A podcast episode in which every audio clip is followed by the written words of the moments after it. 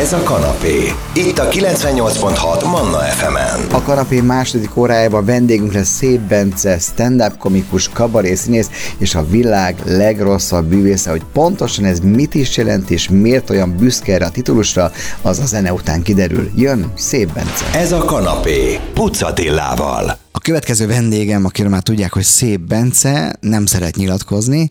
Ha felmegy a színpad és bűvészkedik, akkor ő a világ legügyetlenebb bűvésze, stand-up-pol forgatókönyvet ír, egy szóval egy érdekes ember, és van is szerencsém őt ismerni. Hát jó régről, különben kutogattam ott az archívumban, amikor még stand-up brigádoztunk, meg volt az open mic, az a nyitott mikrofon, mindenki, mindenki jöhet, aztán mondhatja. Hát bizony már egy ilyen jó erős, jó erős 10-12 éve ismerjük egymást, és azóta ő rendületlenül abból él, amit szeret csinálni. Ez azért ma már művészet, Bence, nem? Legyünk őszinték. Igen, meg abból, ami örömre hangol. Na, Tehát ez, ami, ez, ami boldog. Hogy összekötötte itt a mannak? Örömre hangol. Csak, szerintem az csak azt érdemes csinálni, amit, amiben az örömödet leled, és amit, amit jó szívvel csinál, csinálsz. Nem, nem titok az én munkában is nyilván, mint minden munkában vannak olyan, olyan momentumok, amiket kevésbé szívesen csinál meg az ember, de tényleg csak olyan, olyan hivatást válasz magadnak, ami, amiben az öröm örömödet leled, amitől megtalálod azt, hogy mitől érzed komfortosan magad, mitől vagy boldog. És Pársz... én, én boldog vagyok.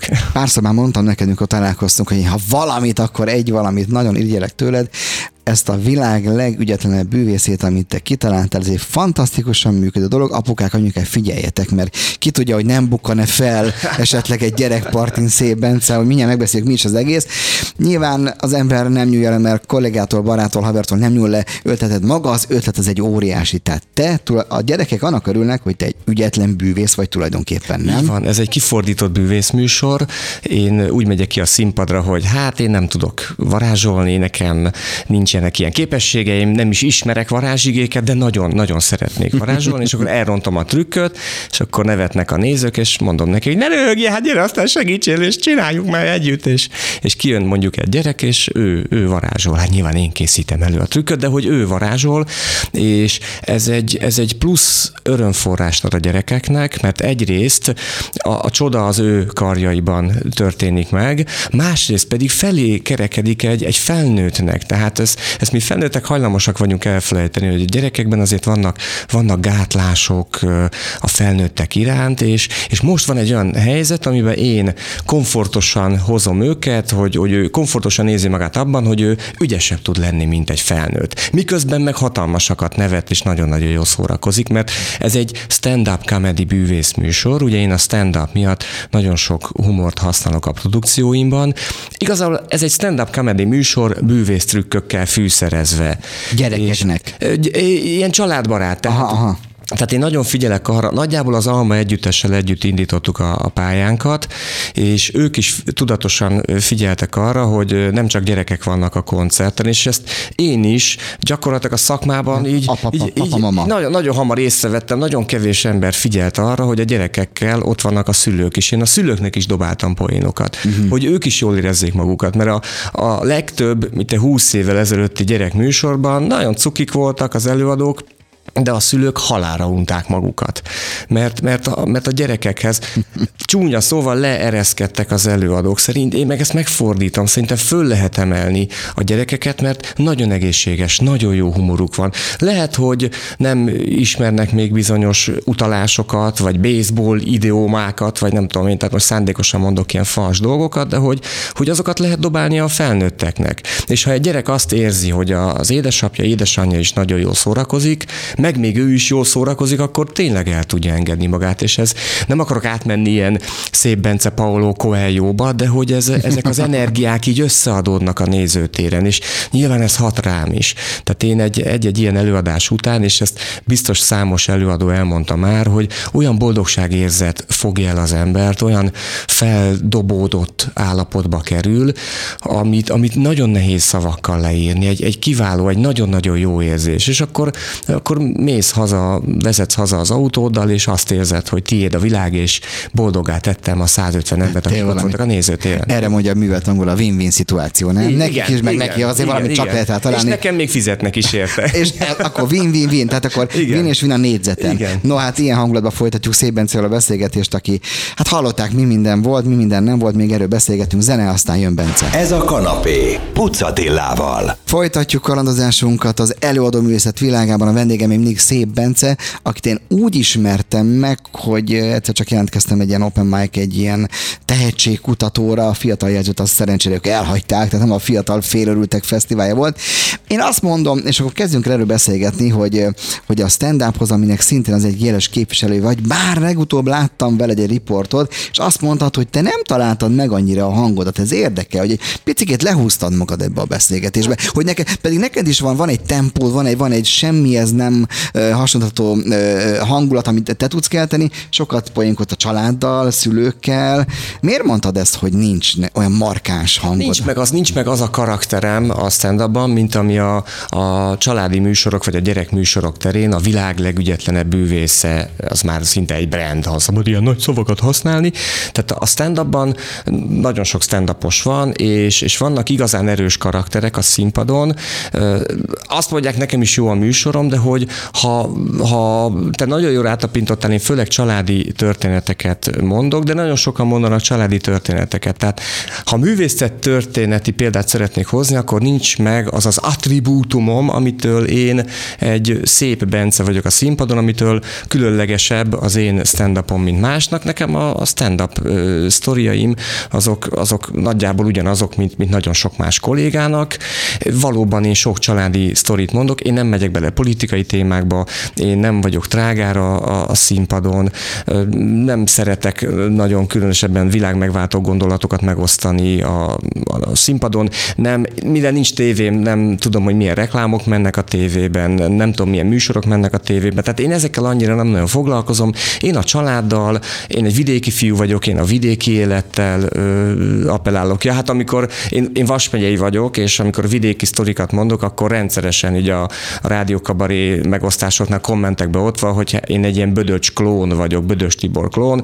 Ezt ráthúzták ezt a jelzőt? Húzták, igen, de hát egészen más a mi, mi stílusunk. Más, más. Hát, hogy azt is megértem, hogy az embereknek valahogy könnyebb az, ha címkéznek, de hogy most attól, hogy én is egy vidéki fiú vagyok, és, és vidéki sztorikat mondok, még nem érek fel Bödös Tibor zsenialitásához, akinek meg egy egészen elképesztő agya van. Én mindenkinek mondom, hogyha ő angolul stand akkor szerintem ott lenne a, a világ top három humorista előadójában, mert annyira zseniális. A vidékkel poénkodni az, az, az egy könnyű dolog, vagy ez a helyzet komikum adja magát? Mert ugye sokan poénkodnak, ugye a Sziklalaci is ott van például, igen, te igen. ott nőttél fel, igen, a Bödöcs is ott nőtt fel. Igen, én ott nőttem fel, nekem ez volt a természetes közegem, de, de már gyerekkorodban láttad azokat a, az érdekes dolgokat, amik már akkor feltűntek, hogy, hogy ez, ez így nagyon furcsa, hogy például, nem tudom én, nagyon sok házi állat volt egy időben a nagyszüleimnél, tyúkok, disznók, nyulak, és akkor hát eljött az a pillanat, amikor éhes a család, és hát ugye ezeket az állatokat át kell segíteni a, a nirvánába, vagy a, a valhallába, igen, és, és hát, hát ott, ott azért mindig egy ilyen erős markolással indul a pálinkás pohár felé, hogy az ember megkapja az erőt, és na innen már azért elindulnak olyan folyamatok, amiket ki lehet karikírozni, mert már ezek ott helyben viccesek. Nekem nagyon-nagyon vicces a családom, tehát én nagyon sokat köszönhetek nekik, mert egy kicsit ilyen olaszos, ilyen csipkelődő, beszóló, Nagy de hangú. nagyon szeretetteljes. Közepesen. Temperamentumos, tehát egy ilyen... Inkább ilyen közepe, közepesen Aha. nagy hangú, inkább, inkább így egymást, egymást piszkáljuk, szivatjuk, nyilván szeretettel, mert azért az egy fontos összetartó erő. Úgyhogy, úgyhogy a, ezekben a sztorikban nagyon nagy szeretet van, egyszer volt egy olyan visszajelzésem, mert ha hiába kapsz te tízezer dicséretet, az, az, az, az, az nyilván jól esik, mert nagyon jó, de, de amikor valaki kritizál, vagy valami olyat mond, ami szerintem nem igaz, az nagyon megmarad benned, és én a szüleimnek azokból a mondataiból, amit egymásnak mondtak, azokból csináltam egy műsor. Nyilván ki van színezve, dramaturgiailag fel van építve, de hogy kaptam egyszer egy olyan kritikát utána, hogy én nem tisztelem a szüleimet, mert hogy beszélek róluk. És ezt amikor elmondtam anyukámnak, meg apukámnak, nagyot nevettek, és nagyon furcsán néztek, hogy de hát ezek mi vagyunk, hát mi mást mondjál rólunk, mint azt, ami ott történt, és én, én ezeket a történeteket szeretem elmondani, mert ezáltal nagyon sokan a saját családukra ismerhetnek rá. És ez pont így van, aki ezt szeretné meghallgatni, hát meg kell keresni valahol neten egy szép Bence fellépést. Beszélgetünk még, a következőben pedig arra leszek kíváncsi, hogy a politika vajon miért jön olyan keveseknél elő. Zene, aztán folytatjuk szép Bencével. Ez a kanapé, Pucatillával. Folytatjuk a kanapé adását, aki pedig most leült a kanapéra, szép Bence, hát kicsit előadom mész és polihisztor, azt mondhatom, nem? Hiszen ne, már, ne, na, na, hát ha hiszen, aki tud lenni ügyetlen bűvész, kabarészínész, mindjárt arról is beszélgetünk, forgatókönyvíró, egy stand a picikét én hadd húzzam rá a polihisztor jelzőt. No, én, én meg hadd húzzam át, bocsánat. Jó, akkor lehúztad. Mert én, nekem az első diplomám az, az történelem. Töri tanár. És igen, és, és én, én minden este nagyjából úgy fekszem le, hogy történelmet olvasok. És, és nekem ez a szenvedély nagyon szeretem. Melyik korszak érdekel igazából van, amit Hát én, én, én, több korszak van, amit nagyon szeretek. Amit megszállottan olvasok, az a, az 1848-49-es forradalom és szabadsághoz, különösen Görgei. Tehát én, én Görgei rajongó vagyok, ezt a barátaimből számtalan viccet csináltak már, hogy ha kell, engem fel se kell húzni, én hat órán keresztül vagyok képes Görgeiről levegővétel nélkül beszélni, egy zseniális pali volt, és óriási szívfájdalma, és itt is elmondom a rádióhallgatóknak, hogy, hogy igazságtalannak érzem, hogy egy ilyen kiváló katonai stratégia, egy ilyen igazi hazafi, mint uh, Görgei, nincs helyén kezelve még mindig a magyar történelemben, nagyon kevés közterület van elnevezve róla, nagyon kevés szobor van róla, nagyon kevés, kevéssé ápoljuk az ő emlékét, miközben nem akarok neveket mondani, Táncsics Mihály, ők, ők, ők pedig szerintem nagyon felül vannak értékelve. Értem, igen, értem. És, igen, vagy Dózsa György, hát Dózsa Györgyön meg fel vagyok háborodva, hogy, hogy nyugodtan a Dózsa György utcákat, köztereket át lehetne nevezni Görgei, de, de most kevés az idő, hogy, hogy ezt így a rádió Hiszen hat órát mondta, hogy hat órát tudsz beszélgetni Nem erről. tudom ezt most kifejteni. Kérek mindenkit, hogy, hogy nézzünk utána, kicsit olvassunk utána, és tehát ne, ne azonnal jöjjenek a kommentek, hogy miket beszél a szép Bence, kicsit tájékozódjunk, és akkor utána, utána nagyon kíváncsi leszek majd mindenkinek a véleménye. Tessenek megfogadni akkor szép Bence véleményt, és utána kell nézni akkor ennek. Ez is politika, de a mai politika, aktuál politikáról kevesen stand up Szóval jött a Bödöcs Tibor, hogy ő igen, miért van az, hogy a stand nagyon-nagyon nem nyúlnak politikához? Te is mondhatod, hogy nem nyúlsz politikához. Miért? A te döntésed miért lett az, hogy nem? Én, én csak a magam nevében tudok beszélni, okay. én például azért nem, mert egyrészt nem, nem érdekel, ha, ha lehet, én ki is, ki is zárom az mm. életemből a, a politikát, mert, mert ez egyszerűen olyan, olyan politikai közélet van Magyarországon, most mindegy, hogy melyik oldalt okay. mondom, egyikkel, egyikkel sem tudok, azzal a politikai kultúrával én nem tudok azonosulni, azzal a sárdobálással, azzal a gyűlöletkeltéssel a másik irányában, azzal, hogy már teret sem adunk a másiknak, hogy, hogy elmondja a véleményét, meg sem hallgatjuk a másikat. Tehát ugyanezt, és ezt a mikrokörnyezetben is látja az ember, a barátai, a családtagjai körében, hogy, hogy vagy az van, hogy óriási veszekedésbe, anyázásba, sértődésbe és, és barátság, illetve egyéb kapcsolatok lezárásában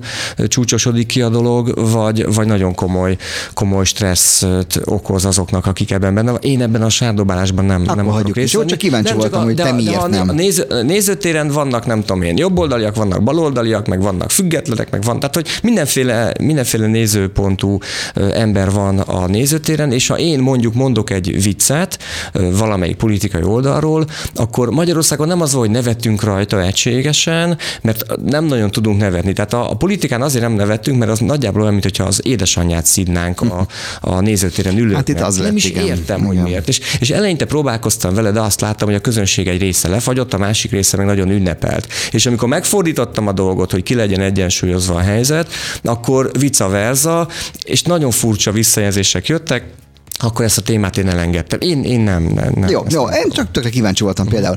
Mennyire fontos a stand-up műfajában az életkor? Tehát, hogy valaki mögött milyen élettapasztalat van. Nagyon sok olyan fiatal kezdő stand látok, aki ugye csak a középiskolai poénokhoz tud visszanyúlni. Nyilván, mert az, hogy addig azt, azt és az lehet jó, lehet jó, de hogy, de hogy én azt vallom, és ebben uh-huh. vagy megerősítesz, vagy nem, hogy, hogy az embernek kell, hogy legyen valami tapasztalata, meg nyilván tehetsége, uh-huh. hogy kiálljon és beszéljen.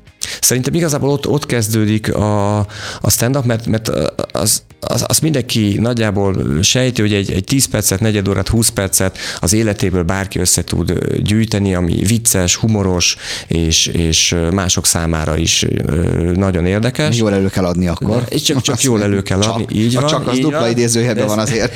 És a nehézség szerintem akkor kezdődik, amikor már elfogynak ezek a, tehát elfogynak ezek a, ezek a témák, ami, ami, amit már az élet ad neked. Mert nekem is van egy olyan sztorim, a, a fiam születése, ott, ott egy picit kellett csak színezni a dolgokat, de az, az, az egy olyan vicces és egy olyan izgalmas esemény volt, amire tényleg nem számítottam, és nekem életem sztoria. Ezt, ezt feldolgoztam, előadtam, de ezen túl kell lépni, és akkor figyelni kell a, a hétköznapokat, figyelni kell a mindenféle folyamatokat. Ez, ez bármi lehet. stand arról is, ahogy a, a, a virágom nő, ahogy virágot hoz, ahogy locsolom, nem locsolom, stb. Tehát a, a, a, nagyon sok olyan, olyan embert ismerek, akiknek szerintem hihetetlenül izgalmas az élete. Van egy rokonom, most nem mondom, hogy az Attila, ő például a világ leg, legszebb tengerpartjait végigjárta már a munkája miatt, vitték őt reprezentációs célokból nagyon ex, exkluzív helyekre, de ő otthon érzi jól magát a maga kis lakásában, ő nem is, nem is nagyon mesél ezekről a helyekről. Hát én meg, ha elmegyek a sarki boltba, nekem az már egy kaland, hogy ott mit látok, hogy a, a feldolgozandó élmény, a boltban nem? milyen feliratok vannak, hogy a, a nénin milyen kendő volt, hogy a bácsinak a cipőjén mi volt. Tehát ez, ez, ez, ez szerintem egy szemlélet. Na hát így dolgozik Szébence stand és hamarosan le, felváltja őt a, a székben Szébence kabaré színész, hiszen a következő arra fogunk beszélgetni, hogy innen is mentek valahova tájolni, csúnyán mondva, szépen mondva, felépni pontosan mi ez a társulat, erről beszélgetünk a zene után Szép Bencével. Ez a kanapé, Pucatillával. Folytatjuk a beszélgetést Szép Bencével, aki váltotta a Szép Bence stand és helyet foglalt Szép Bence kabaré színész. Azért abban van valami, hogy az ember mondjuk az elfeledett kabaré hagyományokat szeretné visszahozni, és van is egy társat, a Stand Up Brigád humortársat néven fut, és járjátok az országot, és klasszikus kabaré jelenetek vannak, ami, ami azért manapság már majdnem olyan ritka, mint a fehér holó, hiszen a mikroszkóp színpad sincs, hogy ez már átalakult, már tália, téli kertnek hívják, de ti csináljátok ezt. Mi ebben a szép? Mennyivel más úgy színpadra lépni, hogy egy adott megírt szöveget ír, mondasz el, figyelsz a többiekre, tehát társulat vagyok, nem egyedül állsz a színpadon, miben kíván ezt tőled más figyelmet a színpadon? Sok mindent kérdeztél egyszer, hogyha megpróbálok mindegyikre, vá- mindegyikre válaszolni. Szóval a, mi, mi főleg rejtő, rejtő jelenetekre fűzzük fel ezeket a kabarékat, több kabaré előadásunk is van, mindig egy klasszikussal kezdünk. Kevesen tudják, hogy Rejtő Jenő nem csak egy zseniális író volt, hanem kabarészerzőként is jelentős életműve van, és egy picit én úgy érzem, hogy ez az életmű van ma Magyarországon hanyagolva. A 80-as évek televíziós kabaré tréfái még ezt valamennyire életben tudták tartani, és a nagy közönség ezt megismerhette, de ez a, ez a színházban működik igazán után. Tehát ez egy, ez egy élő műfaj, mint ahogy a stand-up comedy is egy élő műfaj, és a Beleznai Endrével van nekünk több, több kabaré előadásunk. Az Endrével, amikor először dolgoztam együtt, én, mivel íróember is vagyok, meg nagyon tisztelem rejtőt, én tiszteltem a forgatókönyvet, és én próbáltam is szó szerint azt visszaadni, ami ott le van írva. Na most az Endre pedig egy másik iskolát képvisel, ő azt mondja, hogy a kabaré az egy élő hagyomány, tehát hogy ott, ott reagálni kell nagyon sok mindenre, nem kell túlságosan ragaszkodni ragaszkodni a szerző által leírt szöveghez, ezt kezeljük szabadon, tegyük, tegyük maivá a szöveget. És aztán összecsiszolódtunk az Endrével, de nekem ez egy ilyen érdekes dolog volt, és most már én is ezt vallom, hogy, hogy nem kell szent tehénnek tisztelni a szöveget, nyilván zseniálisak a poénok, tehát érdemes azt mondani, mert azon aztán tényleg nagyon nevet a közönség, de hogy, hogy van azért... Picike improvizáció meg van engedve. Hát, figyelj, az Endrével azért nagyon nehéz. Mert ő elengedi nehéz magát? Játsz, ő elengedi magát, Tehát, és említetted, hogy színész vagyok, én nem vagyok színész, tehát nem végeztem el a színművészetit, én, én egy, egy outsider vagyok itt is, mint, mint sok minden másban az életemben, viszont nagyon boldog vagyok a színpadon, és, és nagyon jó érzés ott lenni, és, és hát az Endre engem többször már így, hát a nyílt színen megnevetett. Tehát például tegnap Nyírbátorban voltunk, és van egy előadás, ahol ő hozzám ér, és, és nekem ezt ki kell kérnem, hogy miért ér hozzám, hogy ne fogjon meg, engedjen engem az utamra, és akkor erre most így annyira nem, nem nagy poén, de mondott egy olyasmi valamit, hogy hát csak azért fogtam meg, mert nagyon jó anyaga van a zakójának, és milyen izmos a mellizma. És, és ez engem annyira váratlanul ért, a nézőket is, és engem is, hogy én hát gyakorlatilag a nézőkkel együtt ö, nevettem, próbáltam azért eltitkolni. Az jó vagy nem? Tehát ilyenkor, mi, ilyenkor milyen jó? Tehát ilyenkor, jó, ez, ilyenkor azt kell, hogy az ember ezt, felveszi, nem? És mondta egy visszapoint, Hát nem? ezt a, színészek, ezt a színészek, hogyha most hallják, amit mondok, akkor, akkor a szakszervezetnél fognak tiltakozni, hogy engem többet ne engedjenek a színpadra. Hát ilyenkor próbálok mindig a volt középiskolai földrajztanárnőmre gondolni, elég kegyetlen emlékeket őrzött bennem, tehát hogy ezt a, ezt a túl csorduló boldogságérzetet a színpadon valamivel tudjam elnyomni. És akkor tehát így, így ezt, ezt, ezt próbálom, de hát kevés sikerrel, Teg, tegnap kevés sikerrel, és van, van egy másik jelenet, mert nem csak klasszikus kabaré van, hanem van benne stand-up comedy is, nekem vannak ugye elrontott bűvésztrükkjeim. Az is van ebben? Az is van Aha. ebben, igen, egy nagyon színes előadás, illetve van modern kabaré jelenet is, és és hát ott, ott is rengeteget improvizál Endre, és, és nagyon-nagyon jó vele, jó vele menni. Tehát nyilván vissza is lehet neki adni ezeket. Mennyire, ugye innen is mész valahova? Igen, igen, tassra, tassra megyünk. Jól emlékszem. Mennyire könnyű a közönséget ma behozni egy ilyenre? Én, én azt érzékelem, hogy, hogy nagyon szeretnek az emberek színházba járni, még, még úgy is, hogy itt a Covid para miatt azért, azért amikor meg is nyitottak a, amikor nyitottak a színházak, akkor is sokszor kellett maszkban bent ülni a nézőtéren, stb. Igazából a tegnapi előadáson is voltak, akik maszkban ültek, uh-huh. nekem ezzel semmi bajom nincsen, de, de azért az, azt érzékelem, hogy, hogy nagyon ki vannak éhezve ezekre az élő szórakozási lehetőségekre meg, meg az tényleg egy más érzés, mint amikor otthon az ember ül a tévé előtt. Úgyhogy mindenkit arra buzdítok, vegyen színházjegyet. Én például a családomnak színházjegyeket adok ajándékba karácsonyra, születésnapra. Szuper, szuper, élmény. szuper, szuper végszó, mert én is mindig azt mondom, hogy élményt, élményt tessék venni van. ajándékba. Ne egy újabb tárgyat, ami ott porosodik fenn, lehet elolvashat vissza, de, de ne, ne tárgyat tegyünk. Vegyenek szép előadásokra, illetve hát Stand-Up Brigád humortársulat előadásokra, egyet be kell ütni és meg lehet őket találni. Köszönöm Szép Bencinek az ügyetlen bűvésznek, Szép Bencinek a stand Szép Bencinek a kabarészínésznek, és aki itt volt, itt várt kint, nem beszéltünk vele Szép Bencénvel, a forgatókönyvíróval, íróval, velük majd ezzel visszajövünk, még legközelebb beszélgetünk a Sét a Történelem című projektjéről is. Ez volt a kanapé második órája, folytatjuk, és Bencét most elengedjük tasra. Kanapé, Manna FM.